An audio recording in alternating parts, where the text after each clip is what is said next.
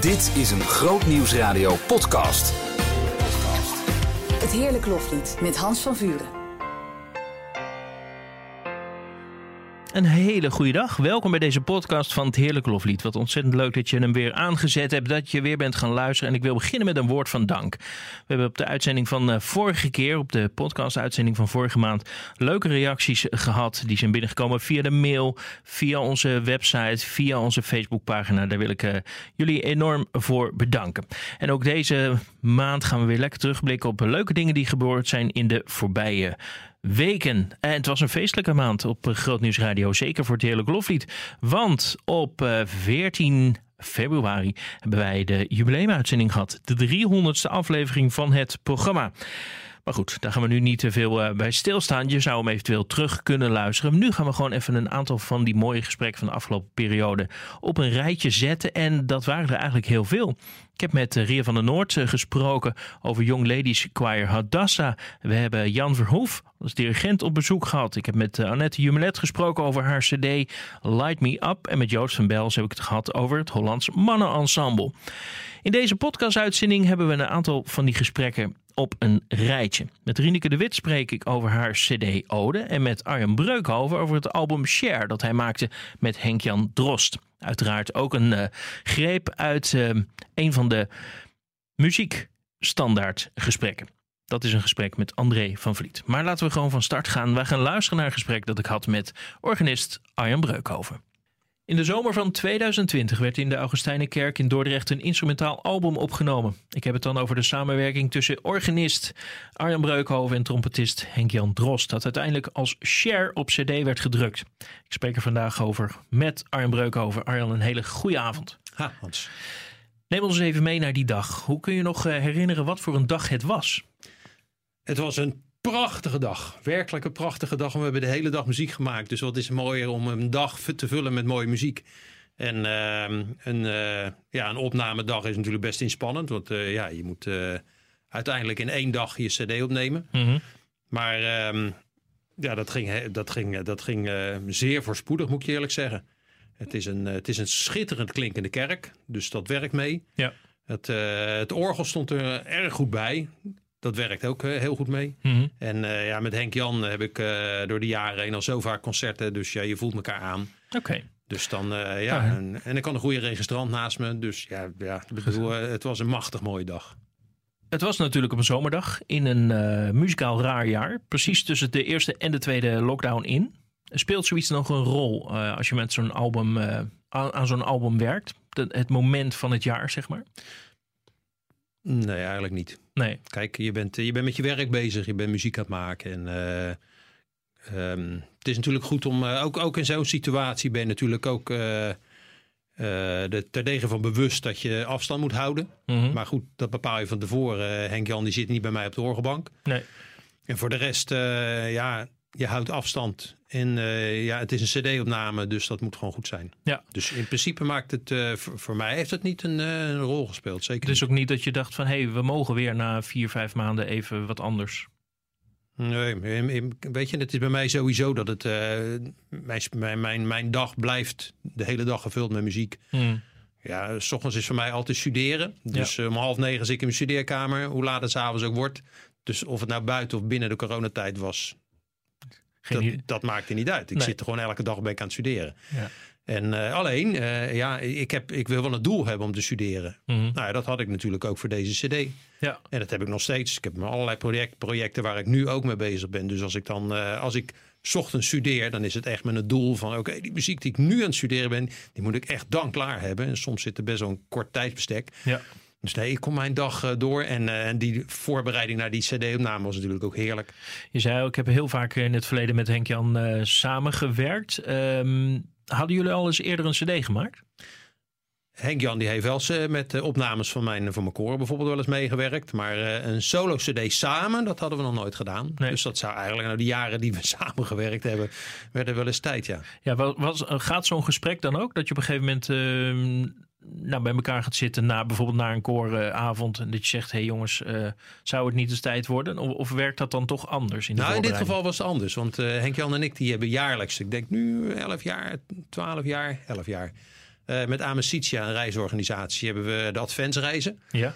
En dan eh, gaan we eind november gaan we dan eh, een aantal dagen met prachtige schepen gaan we Duitsland in. En dan zingen we in eh, vier schitterende Duitse kathedralen. Ja. Met echt joekels van orgels. En Henk Jan is er altijd bij als trompetist. En dan is er een zangeres bij. En dan is er een, eh, een dirigent bij. En eh, panfluit.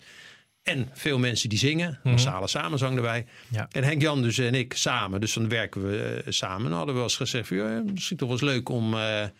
ja, naar aanleiding van deze heerlijke samenwerking. Eh eens een keer een CD samen te maken. Ja. Nou ja, en dan ga je in het programma kijken van wat kunnen we doen. Mhm. We kunnen natuurlijk dingen die, eh, die, die ja, misschien wel vaker op CD staan, maar dan ons eigen eh, plasje erover doen. Ja, want neem ons eens mee naar, de, naar, naar die plaat. Is er iets over een rode lijn te, te zeggen? Ja, ja, er is zeker een rode lijn in te zeggen. Dat, is gewoon, dat het gewoon heel mooi is. Ja. Dat vind ik al een hele leuke rode Maar lijn. met, je gaat met z'n tweeën zitten en zegt: Oké, daar moeten 16, 17 liederen op gaan komen. En wa- Ja. wa- waar moet het dan aan voldoen dat je zegt: Nou, daar, daar gaan we met z'n tweeën liederen bij vinden? Ehm Fijke Asma, die, eh, die heeft ooit eens in een interview gezegd... dat eh, als het gaat om zijn programma's... het is feest van de herkenning en een stukje educatie. En als je mijn, eh, mijn programma's ziet, ook van cd's en ook van concerten... Dan, eh, en ook dus van deze cd, het is een stukje eh, het feest van de herkenning... Ja. maar ook een stukje educatie. Er staan hier echt dingen op waarvan je zegt van... Oké, ja, erg mooi, die, maar die kennen we. Maar dan is zo'n uitvoering als dit natuurlijk toch echt anders dan dat je misschien gewend bent. En In Is Love is bijvoorbeeld een nummer waar je zegt van, nou ja, die kennen we, maar echt subliem zoals dat daar erop staat. Of, nou ja, een eh, You Raise Me Up, noem maar iets. Ja. Hè? Dat zijn eh, titels waar je zegt van, eh, ja, maar die staan natuurlijk ook op meerdere cd's. Maar er staat bijvoorbeeld ook een, een nummer op, daar ben ik helemaal gek van. Vind ik zo gaaf, A Taste of Honey. Misschien, ken je het? ja, dat is de tweede, geloof ik. Ja, ja, je hebt je goed in Ja, ik heb, ik heb er wel een beetje Je voorbereid. voorbereid, hè? Zeker, maar dat is een Nee, dat is een nummer waarvan Ja. ik zei, ja, vind ik zo gaaf. Niemand speelt, ja, eh Herb Albert eh, speelt het. Mhm. Maar voor de rest had ik het nog nooit ergens op gehoord. Nou ja, dat is dan zo'n nummer waarvan ik dan eigenlijk, zoals Asma dat zei, een stukje educatie dat je naar je publiek kan geven. En zo staan er meerdere dingen op. Dat, eh, dat misschien niet in eerste instantie voor, een, voor iedereen bekend is. Een stuk, ik weet niet eens hoe ik het goed uitspreek, van Lindberg, Andante Gammel, Feu de Psalm of weet ik veel wat. Ja, Ja, Maar- maar dat- onbekend. Maar het is zo waanzinnig mooi. En Mm. vooral als, eh, als Henk Jannes speelt. eh, hij speelt nu niet alleen trompet. Maar ook eh, corn, ehm, cornet, geloof ik. En een aantal andere instrumenten. Bugel wellicht. Ja, Ja. Bugel, ja, dankjewel. Fijn dat je even helpt. ja nee, maar goed, dat, is wat die trompetisten kunnen. dat is bij, bij zo'n nummer ook dus zo Heerlijk. mooi. Maar dat kennen de mensen niet. Dus Hm. het is eigenlijk in die lijn van astma. Ik vond het een hele leerzame opmerking. Mhm. En dat, eh, ja, dat vert- hebben we ook een beetje hierin vertaald. Nu we toch al even naar de liedlijst keken. Er was eentje die me een beetje opviel. Hij wordt, eh, hij wordt Arjen Breukhovens trumpet tune genoemd. Oh. de, de grote afwezige is Henk-Jan Drost. En toen dacht ik, hé, hey, hoe kan je nou een trumpet tune noemen... en de trompetist eh, daar weglaten? Wat, wat is daar de afweging Het mooiste stuk van de hele cd zonder trompet. Die trompet speelt steeds door me heen. En dan denk ik, doe normaal joh. Ja, Maar ja, zijn naam staat ook op de... de- Maar hoe, hoe, hoe- maar hoe heb je dat toch voor jezelf gerijmd? Dat je denkt, weet je, ik, het is wel een orgelsolo... maar ik noem hem toch de trumpet tune. Ja, nou ja, dat heeft de componist zo genoemd. Ja? Dus het is niet mijn inbreng. Maar ja, zo heet het stuk echt. Het is, eh, je gelooft het niet, de Arjan Breuk over trumpet tune. Ik durf het bijna niet. Ik kom bijna mijn strot niet uit. Maar nee, Grimoire de Macchia, dat is een, eh, een Italiaanse eh, componist, Mhm. organist, eh, Rome. Tegenwoordig woont hij Zwitserland, maar tot voor kort woonde hij in Rome. Ik Ja. heb hem daar ook... eh, eh, hij heeft dan ook een hele serie concerten voor me eens een keer georganiseerd daar. Een aantal jaar geleden. Dus eh, nou, we kennen elkaar heel goed. Mhm. En Grimaldo die componeert dus, zei ik. Dat doe je meestal als componist natuurlijk. Ja. En die heeft dus eh, meerdere stukken voor mij gecomponeerd. En een van de stukken die hij voor mij gecomponeerd heeft is... Nee, ik zeg het niet nog een keer, maar De Die Breuk titel. over trumpet tune. You. Ja. ja, zo heet dat stuk. ja. En het is eh, gewoon een, een hartstikke leuk stuk. Dus eh, ik denk, ja, in, het, in de lijn van deze cd, Mhm. op een orgel. Een orgel is een orkest, die opmerking heb je vaker gehoord. Daar zitten ook eh, prachtige trompetten op. Op het orgel in, eh, in Dort, in de Augustijnenkerk, waar de cd opgenomen is. Er zitten prachtige trompetten op. Mooi tongwerken, zoals dat heet als verzamelnaam. ja. Nou ja, ja, je zou bijna zeggen, je moet gewoon die cd maar eens even beluisteren. Het is gewoon een gaaf stuk. En ik vond het heel mooi passen op de, op de tracklist. Ja, hey, ehm, nou werk jij eh, vaak met instrumentalisten. Je hebt eh, diverse albums gemaakt. Dit was dan de eerste met Henk Jan, maar je werkt ook met andere instrumenten. Wat vraagt dat van jou als organist? Uh, in hoeverre moet jij je aanpassen aan het andere instrument? Of, dat moet, maar hoe ingewikkeld is dat? Ehm, op zich is het niet zo heel erg ingewikkeld. Je moet, je moet openstaan voor een ander. Ik denk dat het in de hele samenleving heel belangrijk is om te luisteren naar een ander. Mm. En dat is met begeleiden denk ik een van de meest belangrijke dingen. Ik hoorde pas iemand uh, zeggen van uh, toen ik jong was, toen, toen had ik zoiets voor ik speel wel en de andere luistert maar naar me. Mm. En die kwam later eigenlijk te, tot, tot de conclusie dat het toch naar elkaar luisteren is.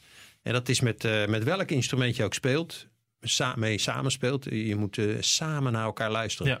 En, uh, en dat, dat moet je doen. Of het nou zang is, of dat het, uh, of het dat het trompet is of een ander instrument. Maar betekent bijvoorbeeld als je met Hank Jan speelt... dat jij je eigen trompetgedeelte van de orgel wat minder gebruikt... dan, uh, dan als je bijvoorbeeld met een panfluit iets maakt?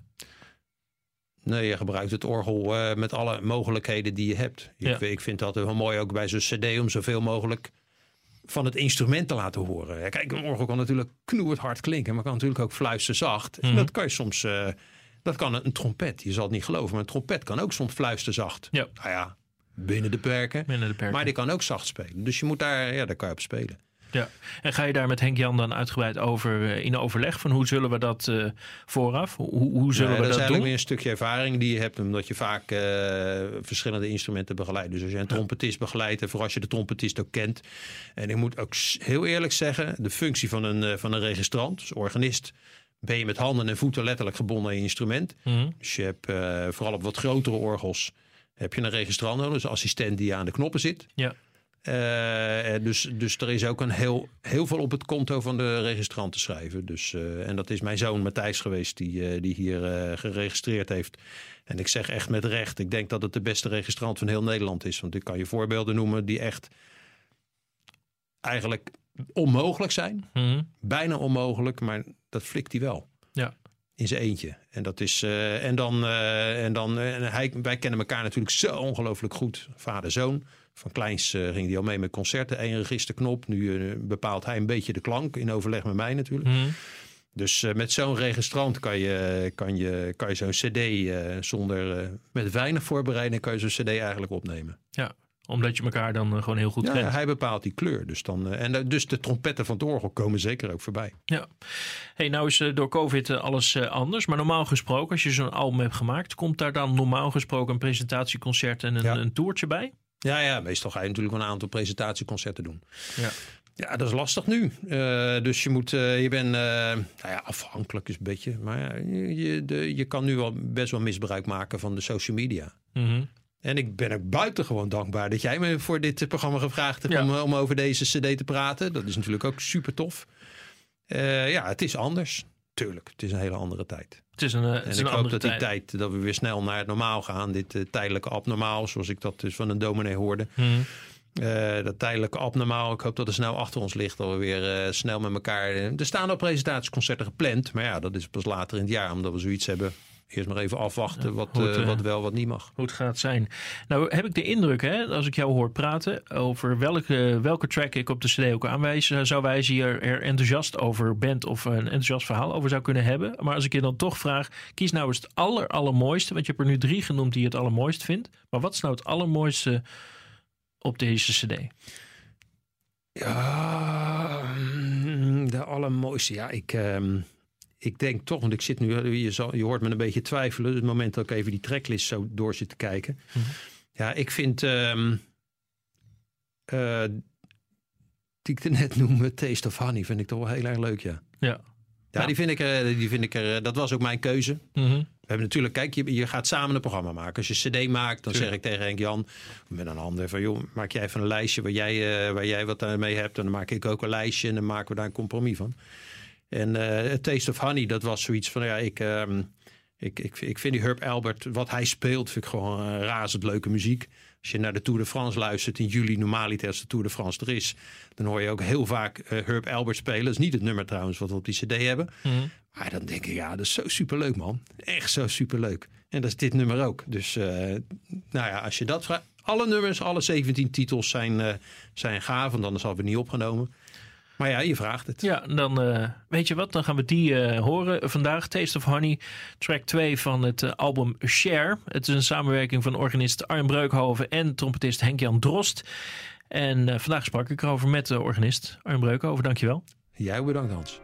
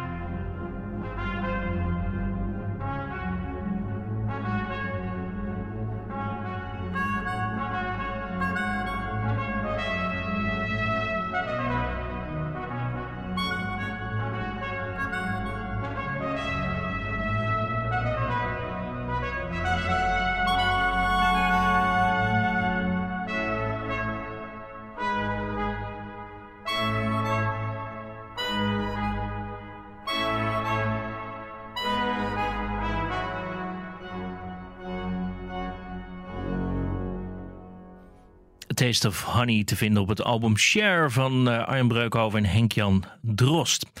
En je hoorde daar ook het gesprek, een terugblik op een gesprek dat ik had met Arjen Breukhoven in de voorbije maand. In februari 2021 was ook Lennart Knops de gast in het Heerlijk Loflied. Met hem sprak ik over het album Doe met uw harp, de Psalmen horen deel 3. Een album dat hij maakte met de echtgenote Maria Knops. We gaan nu luisteren naar uh, een gesprek met zangeres Rineke de Wit. Het is vijf jaar geleden dat haar album Ode verscheen. En dat gesprek, dat ging zo. Het is alweer even geleden dat de cd Ode verscheen. Het eerste soloalbum van sopraan Rineke de Wit. Het was namelijk in het voorjaar van 2016. Nog regelmatig hoor je muziek van die cd op de zender voorbij komen. En vanavond spreek ik erover met de zangeres zelf. Rineke de Wit, hele goede avond. Hi Hans. Even voordat we inzoomen op uh, Ode. We kennen jou als uh, zangeres, maar ook als hoboïste, als dirigent, begeleidend pianiste en natuurlijk als een van de vier zussen van Vocal Group Filet. Welk van die rollen heb je het liefst op je visitekaartje? Nou, ik heb pas visitekaartjes laten maken en ik heb mezelf erop gezet als algemeen muzikant. Okay. Uh, en zangeres, want zangeres is toch wel ja, wat ik het meeste doe. Mm -hmm. En wat ik ook het liefste doe eigenlijk. En dat komt ook omdat zingen gewoon zo dicht bij, je, bij jezelf staat. Dus zangeres ja. en algemeen muzikant ja. ben je. Ja. Ode was jouw eerste cd als uh, solozangeres. In de jaren daarvoor hadden jullie met uh, Filie al wel wat op cd gepresenteerd. Waar kwam dat verlangen vandaan om ook in je eentje iets te maken? Ik heb, uh, het leuke is dat het niet helemaal in mijn eentje is. Ik ben eigenlijk op dat moment meer als een soort van projectleider, uh, ja, zo van ga maar een project doen, Mhm. mm -hmm. ingezet door STH Records. Um, en het mooie was dat ik ook een carte blanche kreeg. Dus ik mocht ze helemaal zelf invullen zoals ik dat wilde. Dus ik heb mijn zussen er wel bij gehaald natuurlijk. Ja. En een, uh, ja, ik mocht een heel orkest inzetten. Ehm, met alles erop en eraan. Hmm. Eh, in de stijl ook eh, gewoon heel gevarieerd bezig zijn. Ja. Eh, verschillende genres erop zetten. En, Maar, maar was wel de bedoeling dat jij daar dan op zou gaan zingen? Of had je eventueel ook voor bijvoorbeeld een instrumentaal album kunnen kiezen als projectleider? Nee, ik denk het niet. Omdat we hebben het er toen over gehad. Zingen is toch eigenlijk ook wel... ja, het, het, het zingen van nummers is eigenlijk waarmee, waarmee ik me op dat moment ook graag wilde profileren en Mhm. laten zien. Ja. Eh, maar er staan ook een aantal instrumentale nummers op, Ja. inderdaad. Hoe, hoe, Ja. hoe kwam dat eigenlijk eh, tot stand? Want eh, dit was jouw eerste soloalbum. Eh had jij daarvoor dan al iets gedaan waardoor STH Records dacht dat gaat iets moois worden? Ehm, ik had eh, daarvoor een cd opgenomen als uh, sopraansolist en hoboïst met eh, Tom Hesseling en de Lofstem uit Wouwbrugge. Ehm, ja, dat was, eh, dat was heel ook gevarieerd. Ze hebben op allerlei manieren ingezet. En op een gegeven moment zei Dolph Cherry, Dolph was toen nog eh, betrokken bij STH Records, die zei, die appte aan eh, Jacob van Household, ehm, dit is, eh, dit, deze dame moet je even in de gaten houden. En toen hebben ze mij erbij gehaald in de studio. Dat was voor mij echt ja, zeg maar de eerste keer Mhm. dat ik daar in de studio was. Ja. En eh, ja, toen bleek dat die variatie toch ook wel, eh, ja, dat dat mijn sterke punt was. Ja. En toen hebben ze gezegd van kom even een hapje eten, gaan we eens even kijken wat er mogelijk is. Even, even babbelen. Ja, Hoe kijk, jij zelf, nog. hoe kijk jij zelf op die, eh, op die CD? Want je zegt variatie is wel iets, of diversiteit is iets wat, wat bij mij hoort. Dat zie je ook en dat hoor je ook als je die CD luistert. Zou je het nu weer zo doen? Eh, dat is een leuke vraag. Ehm, op dat moment was het de juiste keuze op, de juiste, op het juiste moment. Want Mhm. het was echt een manier waarop ik mijzelf op de kaart kon zetten. En ik kreeg carte blanche. Dus ik heb best wel hele aparte dingen gedaan. Die, eh, die nou ja, laat ik zeggen, niet voor het algemeen publiek helemaal ehm, daarop gericht was. Ja. En dat hoeft ook niet. Ik heb, ik heb bijvoorbeeld een, een, een, een, een klezmer erop gezet Ja. Met eh, Maurice van Dijk. En gingen we, helemaal, gingen we eigenlijk helemaal los. Mhm. En heel erg improviseren. En dat was heel leuk om te doen natuurlijk. Je kan ook merken dat daar een soort van speelsheid in zit. En Mm. plezier. Ja, je noemt Ja. wel even klezmer. We, Ja. we merken klassiek op die cd. Je hebt Ja. wat gospel, geestelijke liederen. Nou. Israëlische eh, elementen. Eh, muziek ook met je, met je zussen. Eh, nu zijn we een aantal jaar verder. Zou je, je zegt, nou, het was eigenlijk heel fijn om op die manier zo breed te presenteren. Had het misschien met terugwerkende kracht eh, handiger geweest als je iets gefocuster was eh, geweest op een bepaalde stijl? Of zeg je nou, weet je, Ja, dat kan je pas vanaf eh, een afstandje zien. Want als je zoals ik een beetje... ja, je bent goed in algemeen zijn en in Mhm. gevarieerd zijn. Dan is het op dat moment heel moeilijk om dat te zien. Van ik, mijn focus moet daar liggen. ja, Maar nu als ik terugkijk... ehm, ik vind het bijvoorbeeld heel prettig om op concerten Pia Jezu van Andrew Lloyd Webber te doen. Dat is Mhm. zo'n prachtige stijl die en klassiek is en licht. Ehm, ik vind het geweldig om Gospel Rhapsody terug te luisteren. Mhm. Eh, gospel, eh, de energie daar, die daarin zit, dat, is, dat vind ik altijd heel aansprekend. ja, je zegt terugluisteren, Ja. want live uitvoeren, dat gaat niet zo vaak. Nou, het is echt een heel erg orkestachtig stuk. En een lang Zonder- stuk ook. Ja, heel lang stuk van negen minuten. Mhm. Ja, dat, die kan alleen op de cd tot zijn recht komen. Dat merk ik wel. Of je moet een heel orkest erbij hebben. Ik heb Mhm. alle arrangementen nog, dus dat kan. en ehm, het Israëlische repertoire, hè, Jerusalem, Shazahav. Dat vind ik ook wel prachtig. Spreekt mensen nog altijd aan. En ehm, ja, dat, dat zijn nummers. Ja, daar weet je gewoon, dat, dat is goud. Die zou ik zo nog weer een keer pakken. Ja. En andere nummers denk ik gewoon laten voor wat ze zijn. Mhm. Op dat moment was het goed. En nu eh, weet ik gewoon meer wat mijn focus heeft en kan hebben. Ja. Waar je kracht zit. Ja. 2016 komt die CD uit. Eh, je zegt wel eigenlijk een heel breed visitekaartje aan het begin van jongens, eh laat er geen misverstand over, over bestaan. Ik kan heel veel kanten op. Ja. Wat heeft die CD jou uiteindelijk gebracht? Oh, die CD heeft me wel een hele hoop gebracht. Heel veel deuren geopend. Ehm, en, en het is natuurlijk een prachtig visitekaartje wat je hebt. Eh, ik heb vooral mezelf ook echt leren kennen door het maken van die CD. Mhm. Eh, er zijn dingen die zou ik eh, precies hetzelfde doen, maar ook dingen die ik anders zou doen. Ehm, ik zou er ehm, vooral van willen zeggen dat het echt een hele mooie begin is geweest van iets wat daarna is gekomen. Ja. En ik zou heel graag nog een keer zo'n kans willen hebben. Ja. Maar ja, Zou, zou je eh, dat ja. durven? Want we leven natuurlijk in een tijd dat eh, steeds meer muzikanten zeggen: Nou, ik durf het niet meer. Ik ga geen CD meer eh, maken, want eh, de tijden zijn eh, zo veranderd. Ja. Ehm, maar je zegt eigenlijk: zou ik het nog, toch nog een keer doen? Nou, niet, niet, eh, niet eh, als je zegt van inhoudelijk zou ik het waarschijnlijk anders aanpakken. Mhm. Ja. Eh, meer gefocust misschien. Maar ik zou het geweldig vinden als je een label achter je hebt. wat jou de kans biedt om zo'n project te gaan doen. Omdat het vooral financieel plaatje is. Hè? ja. Met een orkest is dat wel echt een heel verhaal. En dat betekent ook dat je vooral in de voorbereiding heel veel aandacht aan arrangementen moet besteden. Mhm. Ehm, ja, dat zou, ik, eh, dat zou ik nu zo nog weer aan willen pakken. Ja. Vooral omdat het, or- het orkestwezen in combinatie met eh, lichte muziek, dus lichte, lichte songs of eh, wat meer populair repertoire, kan je zoveel kanten mee op. ja, maar dan Ja. zou je voorkeur hebben dat er wel een orkest eh, bij zit. Dat zou ik fantastisch vinden. Ja, Ja, ja. dus een album met alleen piano en. Eh, nou, dat kan altijd hoor. En een fluit. Dan mogen ze je ook bellen. Dan mogen ze mij zeker ook bellen. Ja, maar, dit de- is wel een, dit is een kans geweest van je welste. Mhm. En ehm, ja, als, de, als die weer voorbij komt, dan zou ik hem zo grijpen natuurlijk. Ja. ja.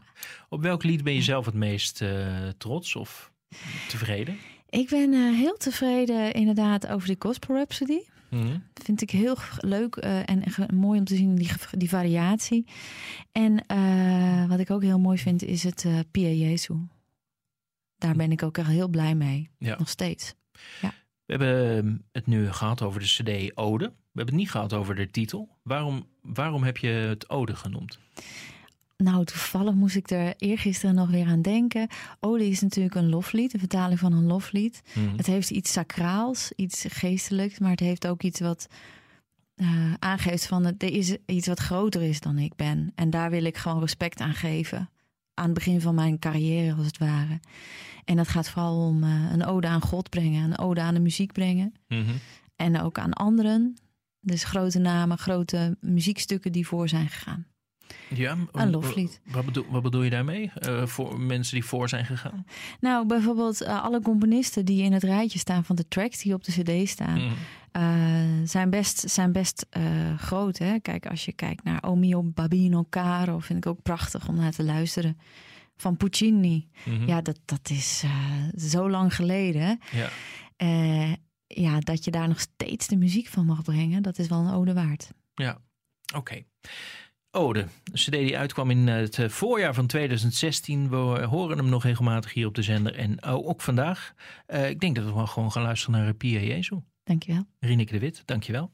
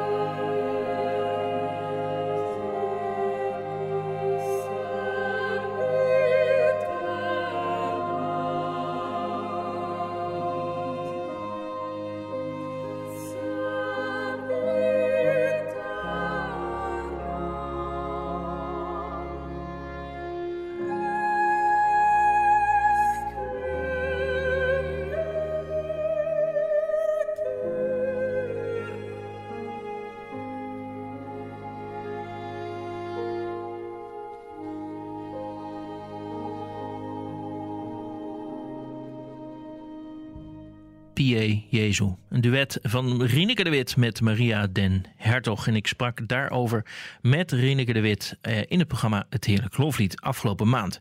Het zou natuurlijk kunnen zijn dat je denkt, die podcast is leuk, maar Het Heerlijk Loflied, dat heb ik eigenlijk nog nooit eh, live gehoord op het moment dat het echt gebeurt. Dat gebeurt normaal gesproken op zaterdag en zondagavond tussen 7 en 8 s'avonds. Een programma met lekker veel aandacht voor uh, koormuziek, voor instrumentale muziek, koor- en kerkmuziek, zoals we het ook nog wel eens in de wandelgangen noemen.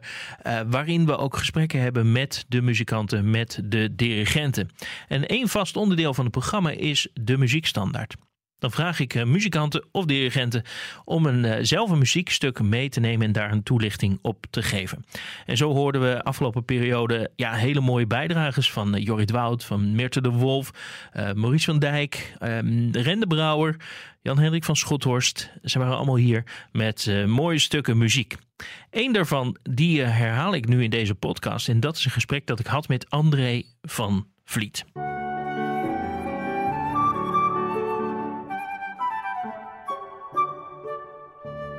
De muziekstandaard. We zoomen vanavond in op een uh, opera. Het ziet er ook indrukwekkend uit. De titel van dit uh, stuk, Cavalleria Rusticana, uh, uitgezocht door organist André van Vliet. André, hele goede avond. Dank. Wat is dit voor stuk? nou, zoals je zegt, het is een opera. Zoals opera in Italië is natuurlijk heel bekend. Mm. Het land van de opera. En een van de vele componisten, in dit geval Pietro Mascagni, Um, heeft een opera geschreven. En uh, binnen die opera, opera komt er opeens een hele bijzondere wending. En daarom heb ik hem meegenomen. En waar, want het gaat om die wending. Het gaat mij om de wending. Oké, okay, wat, wat gebeurt uh, opera is natuurlijk uh, een, een niet-kerkelijk verhaal. Mm -hmm. het gaat dan vaak om, over de liefde. En in dit geval gebeuren er ook allemaal dingen die ik vanavond maar niet wil benoemen. zoals dat zo vaak is in operaverhalen. En nu gebeurt het binnen de opera dat op zondagmorgen het beeld zich opeens verschuift naar een kerkdienst. De inwoners van het kleine dorpje in Sicilië gaan op zondagmorgen naar de kerk. Hmm. En als ze daar aankomen, dan hoor je letterlijk, je, komt je staat nog buiten, dan hoor je binnen het koor al zingen. En als je dan onder de toren binnenkomt, dan uh, wordt dat geluid natuurlijk sterker en sterker. En dan wordt er een paasjubel bezongen. Mm.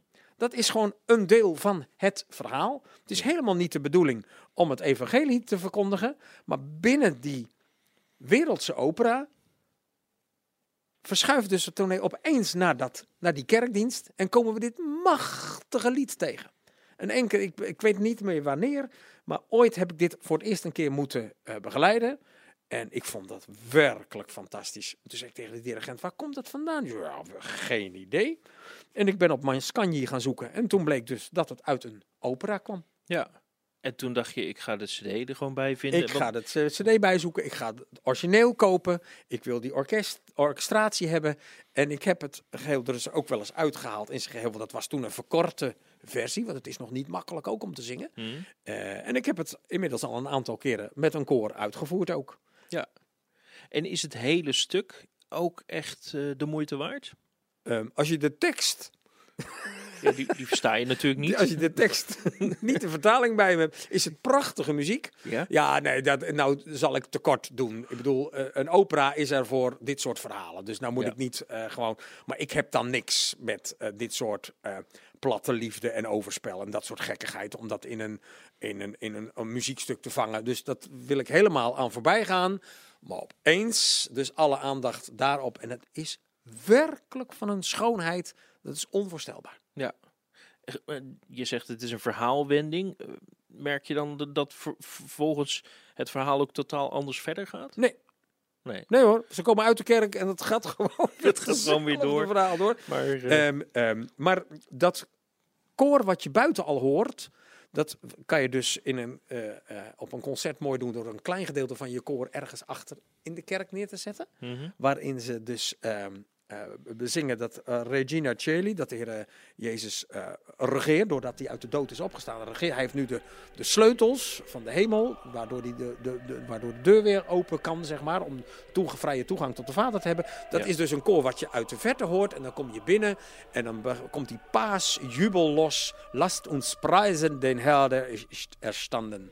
Ja, dat, dat komt dan tot een, tot een climax op het slot. Dat is onvoorstelbaar. Dat kunnen alleen die Italianen bewijzen. Dat gepassioneerde, dat kunnen alleen die Italiaanse componisten maar schrijven. Ja, en het is een uitvoering, zie ik, van het eh, National Philharmonic Orchestra. eh, de Ambrosian Opera Chorus. En James Levine, dat is dan degene die het dirigeert waarschijnlijk. Dat denk ik. Nou, Ja. we gaan het in ieder geval helemaal ontdekken. Een, eh, ja, een heel bijzonder gedeelte uit de opera Cavalleria Rusticana. Dankjewel, André van Vliet. Graag gedaan.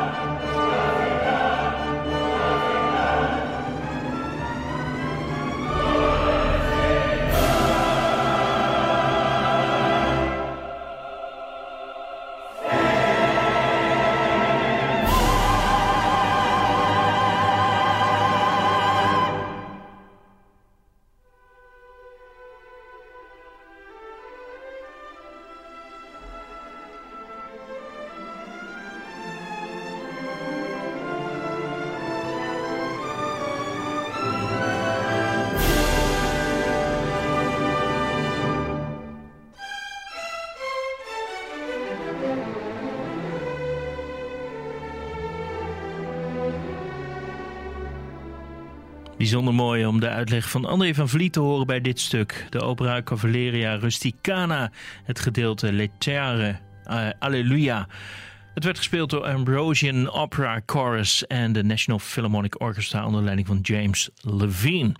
Ja, en daarmee zijn we aan het einde van deze podcast voor eh, deze maand. Met een, even een terugblik op de afgelopen weken in Heerlijk Loflied. Uiteraard ben je van harte uitgenodigd om uh, komende zaterdag en zondag weer in te schakelen. 7 uur s'avonds, dan begint het programma. Vaste onderdelen zijn een gesprek met een muzikant slash dirigent.